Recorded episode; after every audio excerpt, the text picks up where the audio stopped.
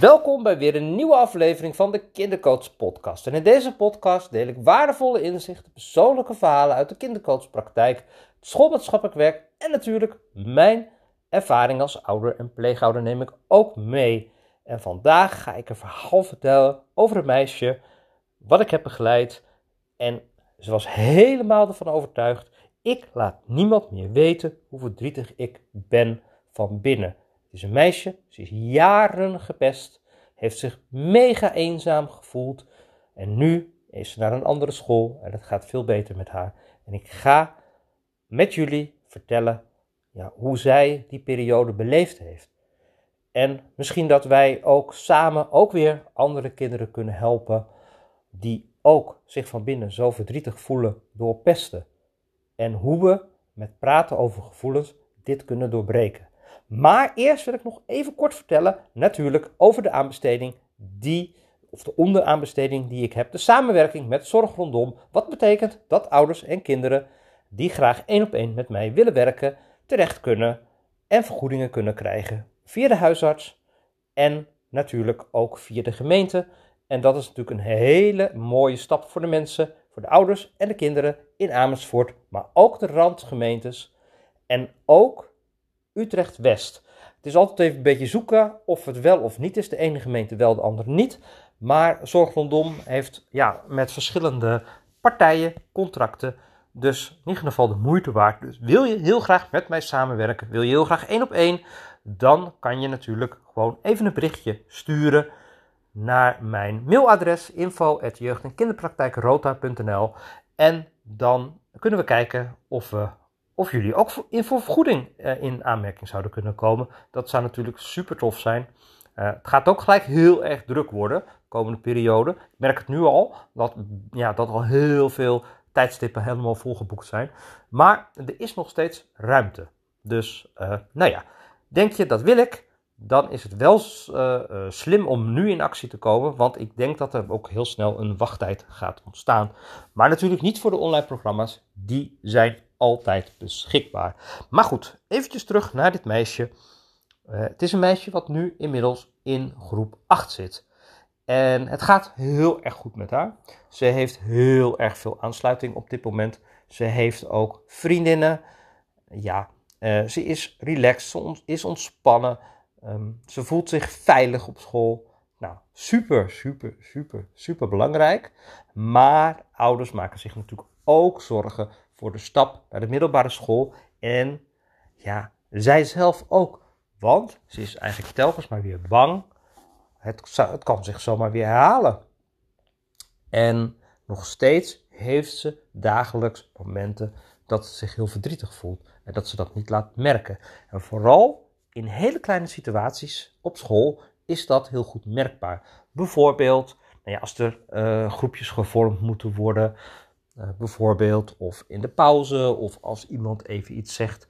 Uh, wat heb jij een stomme blouse aan of zo, weet je wel, zo'n soort dingetje. Dan hoppakee, dan trekt ze zich terug. En ja, dan is ze eigenlijk een kleintje, hè, die er vroeger was, in de periode dat ze zo gepest werd. Ja, die komt dan op en dan trekt ze zich eigenlijk helemaal terug, sluit ze zich helemaal af en dan beschermt ze zich. En ja, zo laat ze dan niemand merken hoe verdrietig ze is. En eigenlijk niemand wist ook um, hoe verdrietig ze is. En ja, nu heeft ze dat dus zo verteld. En dat is super mooi. En ze was ook helemaal opgelucht. Oh, oh, ik vind het gewoon zo fijn om dit gewoon nu zo te zeggen. Eigenlijk was dat al gewoon dat iemand is. Dat er gewoon iemand mij steunt en dat ik er niet alleen voor sta. Die. Nou, die is zo fijn. En ja, dit is dus echt schoolmaatschappelijk werk. En dat is echt de meerwaarde van het schoolmaatschappelijk werk. Dat we, ja, hè, de leerkracht signaleert eigenlijk vorig jaar al van, ja, we merken in het sociale omgang, in het sociaal verkeer, merken we uh, ja, wat kleine dingetjes. En we denken van, goh, ze kan een steuntje gebruiken. helemaal niet zwaar, helemaal niet klein, helemaal niet groot. En ook de ouders hadden, ja, die merken dat eigenlijk ook. Dat ze ook door kleine dingetjes erg geraakt werd. En dan helemaal niet gekoppeld meer helemaal aan de voorgeschiedenis. Natuurlijk weten ouders ook de voorgeschiedenis, maar het gaat tegelijkertijd ook goed. Ja, Dus uh, ja, en schoolmaatschappelijk werk is dan prachtig om dan zo een trajectje te doen. En het mooie is dat je dus dan, dat, nou ja, ze komt en ik ga doorvragen. En dan blijkt dus dat het gevoel nog veel, veel, veel dieper zit. En hoe mooi is het om dan te kunnen helpen. Als we zo teruggaan, helemaal naar haar voorgeschiedenis, dan vertelt ze dat het beste in groep 3, 4 is begonnen. Kan je nagaan, hè? Hoe lang, hè? Moet je maar eens even kijken, ze is nu 12. De helft van haar leven is dit een thema. Jee, wat heftig, hè? Wat naar. En zo zijn er heel veel kinderen. En wat ze ook vertelde is, ja, op die school zeiden ze allemaal nare dingen. En ook heel erg uh, over haar kleurtje, wat bijvoorbeeld heel erg aankwam. Uh, dat is echt een hele heftige voor haar. Um, buitensluiten, dat ze dan niet mee mocht. Of dat ze dan zich omdraaide en dan zo, weet je, een beetje dat meiden reacties zo. Dat zijn vooral de triggers die heel erg uh, zijn. Maar het is ook, ja, dat is, zie je vaak bij meiden. Uh, bij jongens die zijn vaak ja, um, wat fysieker en uh, dan valt het meer aan de buitenkant op. Maar de meiden doen dat wat meer ja, in die, niet zozeer in het zicht. Daardoor is het dus ook heel lastig voor de school en voor de ouders en voor, nou eigenlijk voor iedereen om goed de vinger erop te leggen van wat gebeurt er nu en hoe heftig is het. Nou, terwijl, nou ja, als we het zo zien, is het natuurlijk mega, mega, mega heftig gevoel voor dit meisje.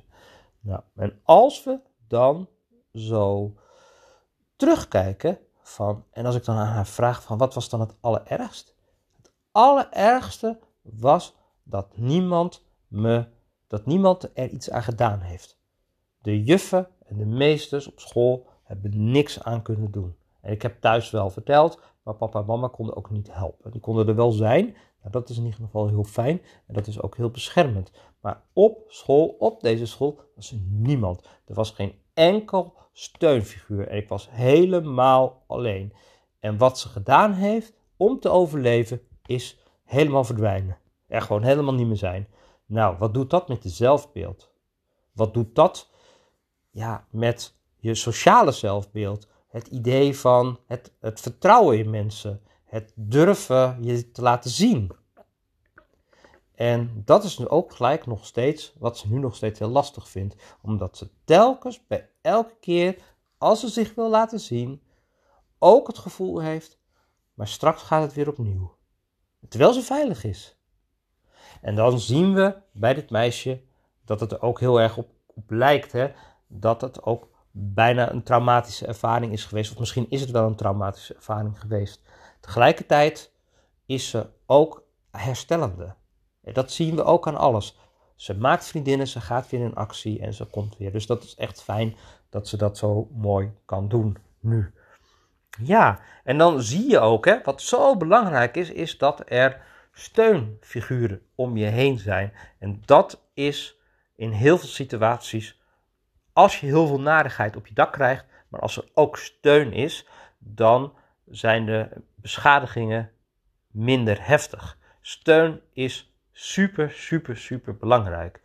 Uh, dat is mooi, vanuit schoolmaatschappelijk werk kan ik ook heel veel kinderen steunen. En ook al kan ik de nare situatie thuis of nou ja, op school soms nog niet oplossen, maar door er te zijn, um, staat het kind er niet meer alleen voor. Dat is natuurlijk mega, mega belangrijk. En dat is natuurlijk anders. Papa en mama, ja, die zijn er natuurlijk ook. Maar dat is anders ja, dan dat er uh, een hulpverlener ook voor je is. Dat iemand echt helemaal 100% er voor jou is. Dat is natuurlijk echt heel uh, fijn. Ja, um, nou, dat, dat daar. Nou ja, we kunnen natuurlijk niet het verleden ongedaan maken. En af en toe, hè, dat hebben we ook helemaal onderzocht nu.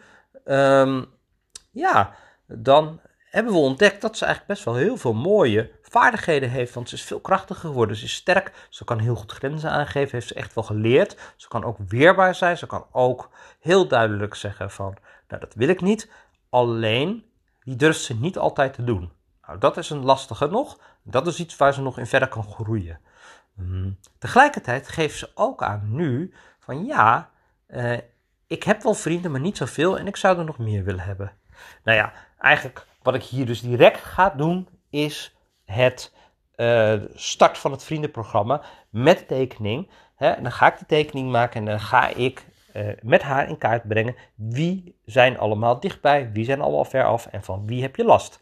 Nou, dat is natuurlijk super belangrijk om, nou ja, om haar het gevoel alleen al te geven. We zijn aan het tekenen gegaan en zegt 1, 2, 3. Ik heb drie best friends. Nou ja, best friends. Of in ieder geval drie die heel dichtbij zijn. En die zijn altijd veilig voor mij. Die zijn, die zijn er altijd. En daar kan ik, ja, die hebben dezelfde interesses. Daar kan ik bij terecht. Die helpen mij, die steunen mij. En daar ga ik mijn energie aan geven.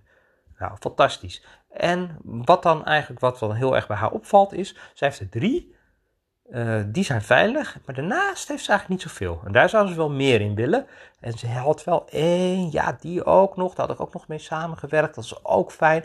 Dus in de cirkel een beetje verderop, kinderen die wat verder van haar afstaan, hadden we er ook nog twee. En nog één die nog wat verder, ja. En had ze ook nog drie die wel lelijke dingen zeiden. Dus we hadden wel gelijk zoiets van, nou, ga daar je aandacht nu even niet op richten. Ga wel kijken of ze nog vervelend zijn geweest. Nou, afgelopen week hadden ze eigenlijk niet echt iets vervelends gedaan. En dan zie je eigenlijk ook dat de dreiging, dat het gevoel van dreiging, eh, dat ze overtuigd is van er is een gevoel van dreiging. Maar in werkelijkheid, nou, de afgelopen week was dat natuurlijk niet. Nou, heel benieuwd hoe dat dan de komende weken weer gaat. En op die manier kan je dat dan ook heel mooi gaan volgen. Hoe dat dan uh, beter gaat. Uh, en het leuke is, doordat het een tekening is en doordat je zo, ja, kijk, dat gevoel van, oh, ik durf het niet en eh, oh, ik ben zo bang dat ze weer terugkomen, dat kan natuurlijk ook. Want ja, er is natuurlijk narigheid en er zijn natuurlijk nog meer pestkoppen in de wereld. En je kan zeker op de middelbare school, kunnen er nog meer kinderen zijn die lelijke dingen zeggen. Maar ja, dat kunnen we niet veranderen. Maar wat we wel kunnen doen, is haar beschermen en haar helpen om sterker te worden, zodat ze haar eigen grenzen veel beter kan bewaken. En op het moment dat ze het gevoel heeft van ja, maar ik weet precies hoe ik dat moet doen. Ze hebben me pijn gedaan en ik laat dat nooit meer gebeuren. Kijk, dat is de power, zeg maar, die je kinderen graag wil geven, te voelen. Want als je die voelt, dan sta je sterk. En ze heeft die vaardigheden eigenlijk al. Maar wat er dus bij haar gebeurt, is op het moment dat iemand tegen haar zegt: wat een lelijke blouse of iets anders, dan kan je natuurlijk je schouders ophalen en doorgaan en denken: van hè uh, nou, je kan ook natuurlijk zeggen: Wow, nou, uh, ik vind het prachtig. En het is ook maar goed dat jij hem niet mooi zou uh, vinden, want hij zou je ook helemaal niet staan. Weet je, als je soms wat opmerking maakt, nou, dan sta je echt als een huis. En ja, dan ga je gewoon lekker uit van je eigen smaak. Helemaal van jezelf uit.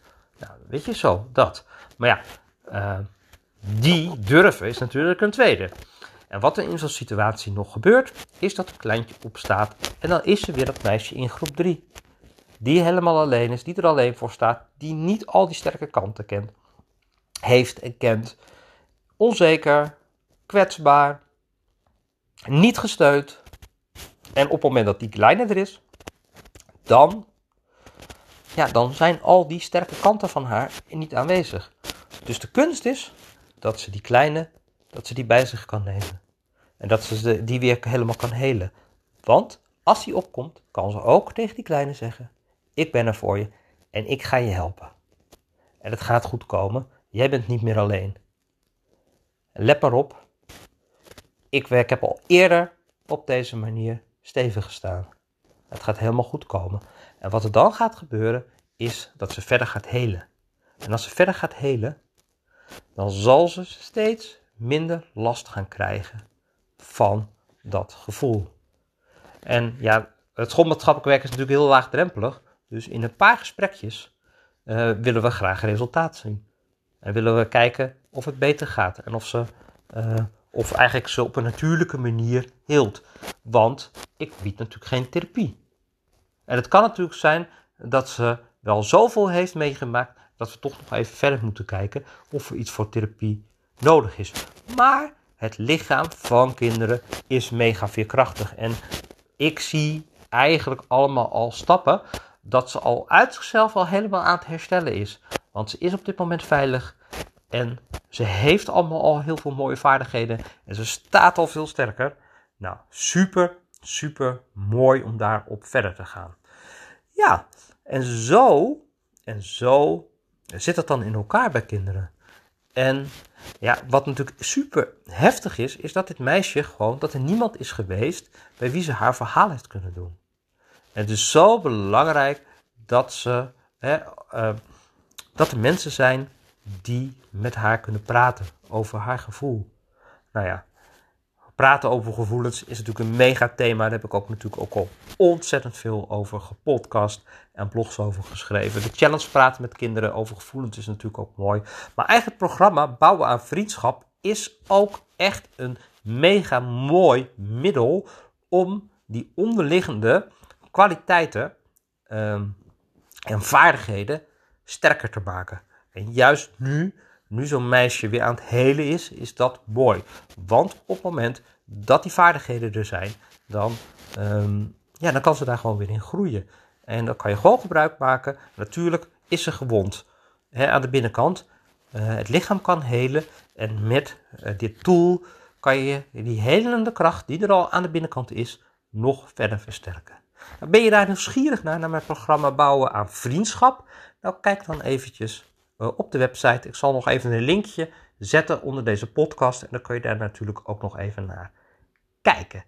Nou, dan wens ik je verder een hele mooie dag. En dan uh, nodig ik je uit om samen met mij het pesten van kinderen te stoppen. En ook kinderen te helpen als ze gepest zijn om weer te dealen met die gevoelens. Ik wens je een fijne dag.